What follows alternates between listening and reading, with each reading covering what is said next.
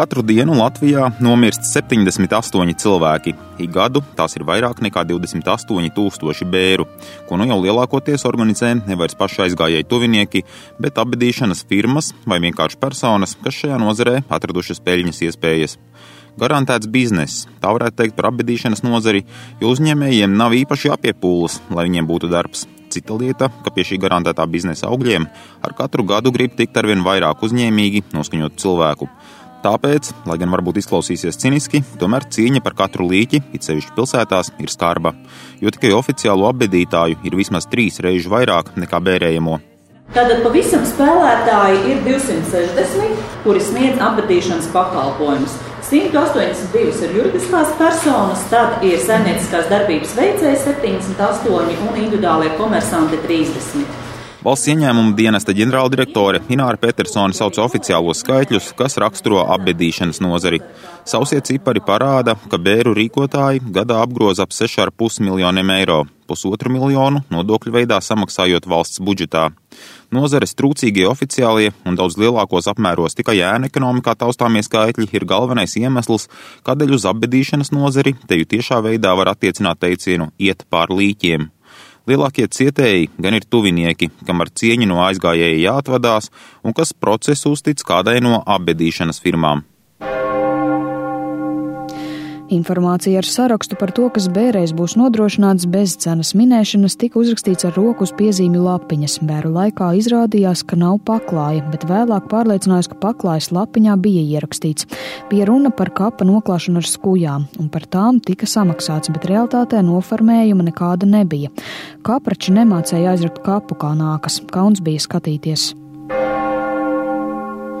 Tas ir viens no pusotra simta pieredzes stāstiem, ko konkurences padomēji aptaujas gaitā uzticējuši iedzīvotāji. Ilgāk nekā gadu veicot apbedīšanas pakalpojumu tirgus uzraudzību, konkurences padome nonākusi pie secinājumiem, kas nav glaimojoši nedz šā tirgus dalībniekiem, nedz kopumā valstī, kas 25 gadu laikā nav darījusi neko nozares sakārtošanai, stāsta konkurences padomes priekšsēdētāja Skaidrīte Ābrama. Nozare ir pilnīgi nesakārtota, nozarē ir hauss, un kas ir pats interesantākais, ka vispār neviens pat īsti nesaprot no atbildīgām institūcijām, kam būtu jāraugās, kas nozarē notiek un kā nozare attīstās. Jo ne veselības ministrija, ne veselības teiksim, slimnīcu pāraudzības dienesti. Neviens tai nozarei nav pievērsies. Varams tāpat, kura pārziņē tas, ko dara pašvaldības. Jā.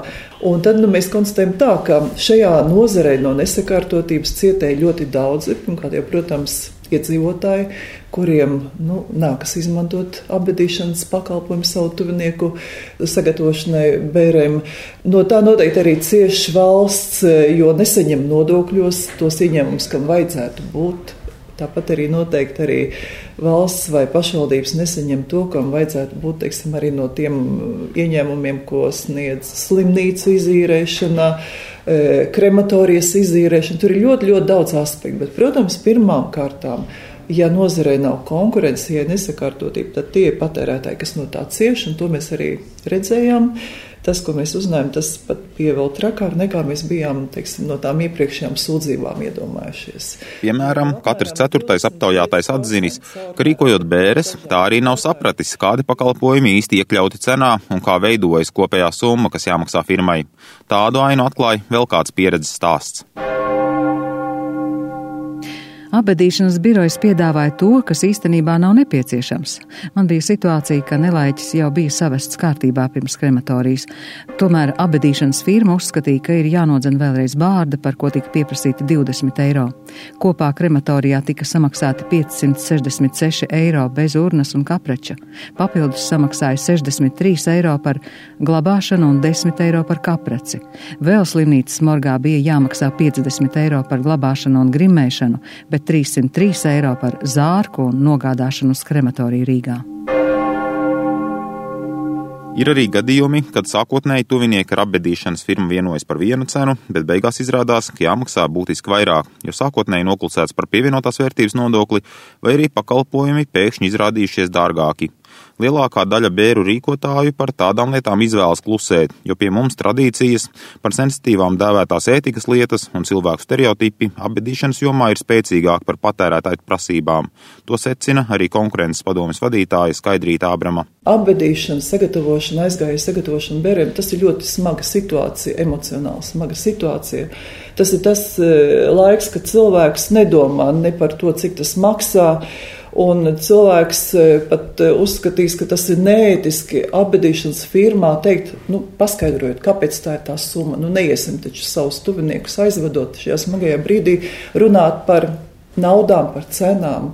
Protams, un tāpēc arī acīm redzot, e, šie tirgus dalībnieki daļa uz to arī, nu, psiholoģiski rēķinājušies, ka neviens vispār par to nerunās. Visi klusēs, jo mūsu sabiedrībā, kur ir šī tāda nu, kultūra, ja kā mēs izvedām aizgājējus, visu cieņu mēs nerunāsim par komerciju, mēs nerunāsim par konkurenci, mēs nerunāsim par cenām. Retais gan pēc bērēm pie patērētāju tiesību sargiem ir vērsies. Tomēr patērētāju tiesību aizsardzības centra direktore Baiva Vitoļiņa atzīst, ka palīdzēt būtībā nav iespējams. Arī mums iepriekš jau ir bijis nereti kādas patērētājas sūdzības, bet lielākoties neesam varējuši neko cilvēkiem palīdzēt, jo faktiski cilvēkiem nekādu dokumentu nav pieejama. Līdz ar to nu, mēs tā ar padomu kaut ko varam palīdzēt, bet tā faktiski cilvēkiem neko atrisināt nevaram. Tipisks čeks vai kvīts apbedīšanas nozarei ir vienkārša piezīmju lapiņa, uz kuras ar roku sarakstīti firmas nolīgtie pakalpojumi, to cenas un gala summa. Piemēram, kaprači 160 eiro, katafalks 70, zārks 130, krusts 20, pārklājs 20 eiro. Par būtisku problēmu Baiva Vitoļiņa sauc to, ka apbedīšanas birojos nav izlikti cenrāži. Turklāt to par problēmu neuzskata arī paši apbedītāji. Trešā daļa no komersantiem, tad arī cilvēki atzīst, ka viņi šo cenrādi nav redzējuši. Nu, tā ir diezgan satraucoša, jo būtībā apbedīšanas pakalpojumu sniedzējiem nekādas internetu mājaslapas ar cenu norādēm nav. Līdz ar to patērētājiem pat viņš pat esošo faktiski nevar izvērtēt esošo cenu līmeni, kur nu vēl salīdzināt ar kādu citu. Tā, manuprāt, no patērētāja aizsardzības viedokļa ir ļoti nopietna problēma. Un problēma vēl jau vairāk tā ir tādēļ, ka mirušā tuvinieki, uzzinājuši sērvēsti, visbiežāk nevelta daudz laika apbedīšanas piedāvājumu izpētēji. Izvēlas kādu ieteiktu, bet biežāk tuvāko firmu. Kvalitāte paliek apbedītāju ziņā, novērojusi konkurences padome. Patiesībā notiek pakalpojuma uzspiešana lielā mērā, nav skaidra cena un tā kvalitāte nu ir arī. Firmas e, līķis pārvadā, piemēram, maizes mašīnā. Tuvinieki nevar uzzināt, kur viņu e, aizgājējis pirms apbērēšanas, kur atrodas vai morgā vai kaut kur, jā, e, kā slimnīcu teritorijā esošie abedīšanas uzņēmuma darbinieki vai īpašnieki, es nezinu, kā viņi ir uzspieduši to pakalpojumu, arī pateikuši nē. Tev vienalga, tur ir jāmaksā, es esmu tavā vietā izņēmis mešanas apliecību, kaut arī neviens to nav prasījis. Jā. Slimnīcā nomira mans tuvinieks. Divas dienas telefoniski mani terorizēja slimnīcas morga darbinieks, kuram pieder apbedīšanas firma, kas izmitināta morga telpās. Es paskaidroju, ka man nav vajadzīga nekāda palīdzība un bēru jautājumu nokārtošu es pats. Kad ierados slimnīcā, lai saņemtu medicīnisko apliecību par nāves cēloni, liels bija mans izbrīns, ka morga darbinieks man uz galda nolika priekšā miršanas apliecību un pieprasīja samaksāt 20 latus. Es nebiju ne pilnvarojis, ne uzticējis morga darbiniekam veikt šādas darbības. Es vēlējos saņemt tikai apliecību par nāves cēloni, kuru tā arī neiedeva.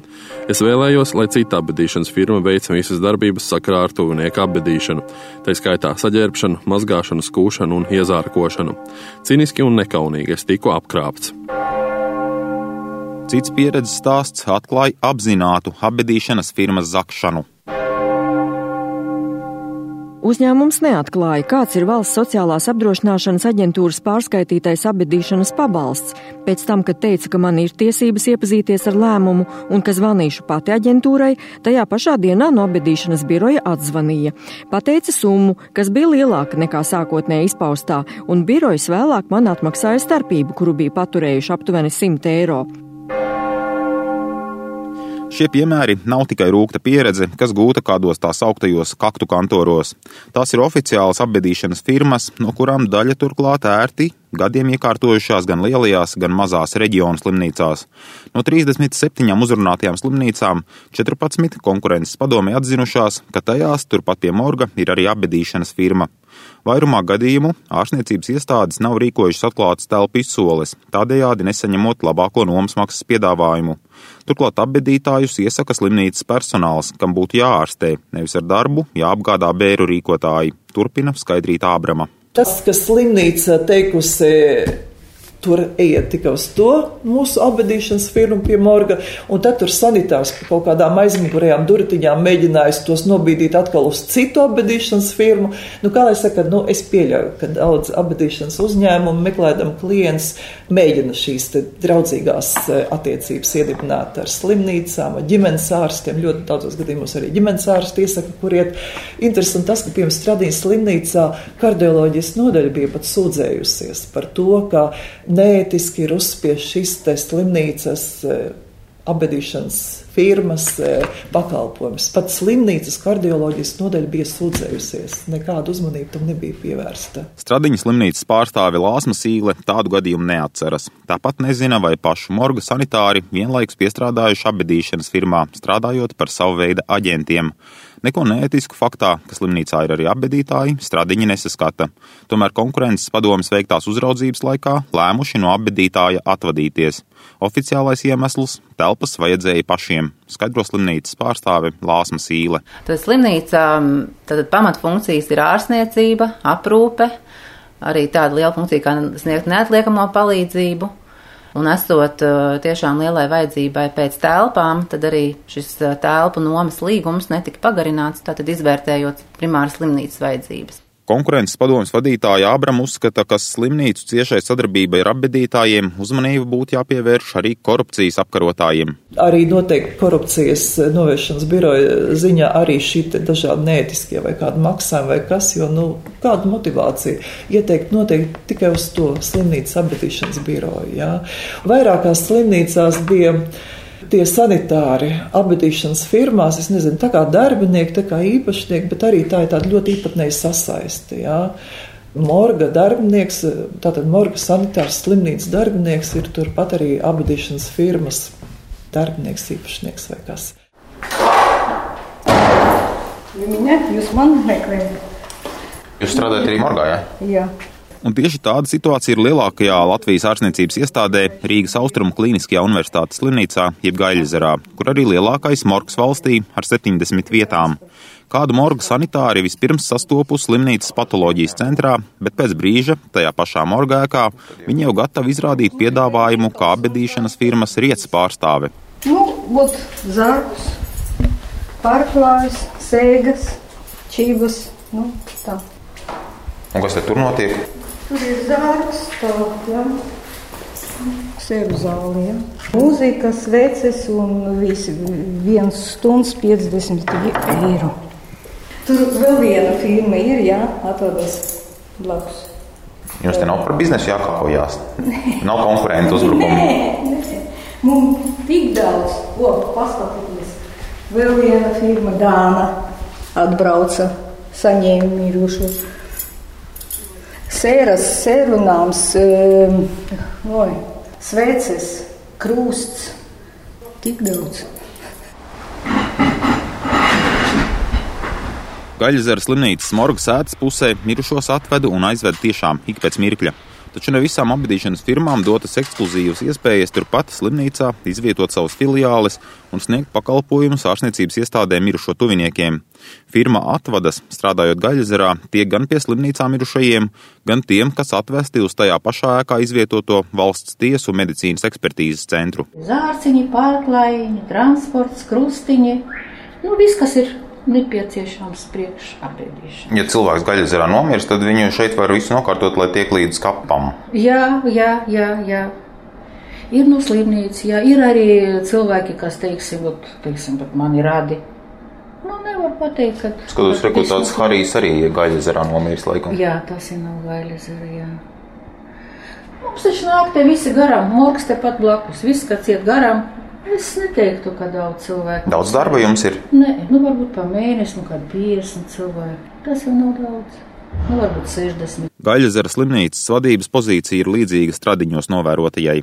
Ja valsts ar likumu nav aizliegusi, ārstniecības iestāde ar apbedīšanu var iet roku rokā. Tā uzskata arī Gaļazera patoloģijas centra direktors Andris Šmits. Mūsu patoloģijas centra morgs ir atvērts jebkurai firmai. Un nav te runa ne par privilēģiem, ne par ko. Ja uzskata, ka kāda firma īrē telpas slimnīcu morgā, tad ir jāizdod kaut kāds normatīvais akts, kas aizliedz slimnīcām to darīt, un viss. Un jums tas šķiet tu... pareizi, ka ir te abadītāji slimnīcās? Es uzskatu, ka jā. Ka nav tā, ka kāds viņu kādā šķūnī vai, vai, vai garažā vai uz balkona glabātu. Tādējādi noprotams, ka pašas slimnīcas šajā jomā mainīt neko negrib, taču uz pamatīgām pārmaiņām cer pati nozare, ko pašlaik neregulē nekādi normatīvi. Pašplūsmā tai darboties līdz šim ļāvis arī valsts ieņēmuma dienests, jo statistika rāda, ka apbedīšanas jomā vidējā oficiālā alga ir tikai 321 eiro pirms nodokļu nomaksas, kamēr valstī vidēji tā ir 765 eiro. Kaprača darba stundas likme ir 2,88 eiro, bet viņa firmas valdes loceklis stundā oficiāli saņem par 9 centiem mazāk. Valsts ieņēmuma dienesta ģenerāldirektore Ināra Petersona rēķina, ka ēnas zonā strādā vismaz puse no apbedīšanas nozares. Teiksim, tā ļoti vulgāri paskatoties, cik ir cilvēki miruši un parēķinot ar tiem 400 eiro, kur varētu vidēji teiksim, tās izmaksas, un pēc tā, ko viņi ir uzrādījuši, nu, tad apmēram puse. Pati nozare gan teica, ka apbedīšanas izmaksas vidēji ir vismaz 700 eiro, tādēļ beznodokļu zonā varētu atrasties vēl lielāka daļa. Tā kā šīs un citas lietas tieši ietekmē konkurenci, nozares nevalstiskais sektors jau pirms laba laika vērsies valsts institūcijās, aicinot izveidot kādu regulējumu.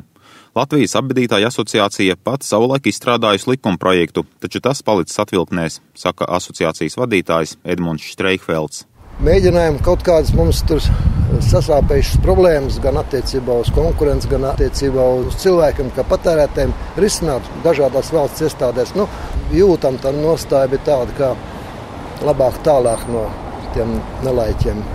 Tam, ka pašdarbību jāsāk regulēt, piekrīt arī Eiropas apbedītāju asociācijas pārstāvis Edgars Timpa.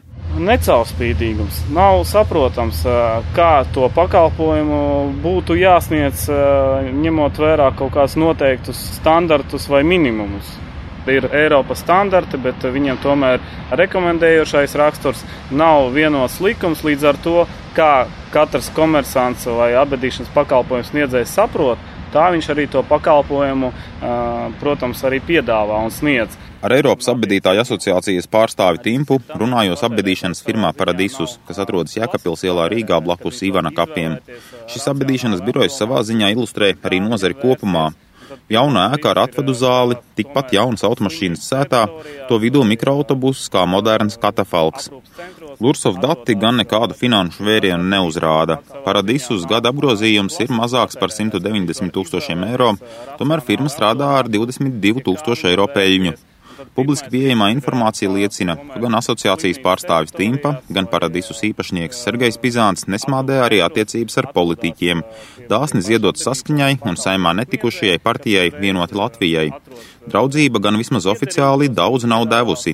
Iepirkuma uzraudzības biroja dati vien liecina, ka paradisus regulāri tiek pie vardarbīgā nāvē mirušo ķermeņu pārvadāšanas līgumiem valsts policijā. Вода и холодная, и горячая, и все плиточкой, он легко и моется. Firmas īpašnieks Sergejs Pizāns gatavs izrādīt biroja saimniecisko pusi, lepojoties ar valstī vienīgo privātu morgu, kurā mirušos pienācīgos apstākļos ne tikai sapoš, bet arī nosaka nāves iemeslu. Morgu pakalpojumi ir vēl viena nesakārtota apbedīšanas nozares niša, saka Edgars Timpa no Eiropas apbedītāju asociācijas. Tāpēc mēs arī strādājam ar, cieši ar veselības ministriju, ieviest nosacījums, ka tie, kas piedāvā morgu pakalpojumus, tad ir jāatbilst tam jēdzienam. Morgs Nav pieļaujama situācija, ka valstī, kad var kāds iedomāties, ka viņš var eh, organizēt eh, morgu garāžā, bēniņos, nezinu, pagrabā. Tāpēc konkurences padomas vadītāja Skaidrīta Ābrama teica, ka kopā ar Patērētāju tiesību aizsardzības centru un valsts ieņēmumu dienestu rosinās vairākas nozaru ministrijas veidot darba grupu, lai taptu normatīvo aktu bāze. Nu, kopā mēs domājam, ka arī jāinicē tas noteikti vairākām nozaru ministrijām, jo, kā jau teicu, neviens nejūtas par atbildīgs un viss visi brīnījās, abadīšanas nozare, kas tā pa nozare, kam tā ir pārziņā. Darba grupa jāveido un jālēm par kaut kādu vienotu normatīvo regulējumu. Bet jau tagad konkurences padomu izpētīto nosūtījusi valsts kontrolei un citām uzraugošām iestādēm, bet slimnīcas mudinājusi pirmkārt pārskatīt, vai abadīšanai ir vieta ārstniecības iestādē. Savukārt pie reizes arī slimnīcas personālam skaidrot ētiskos aspektus, ka piestrādāt apbedīšanas firmās par līdzu sagādniekiem gluži labi nav.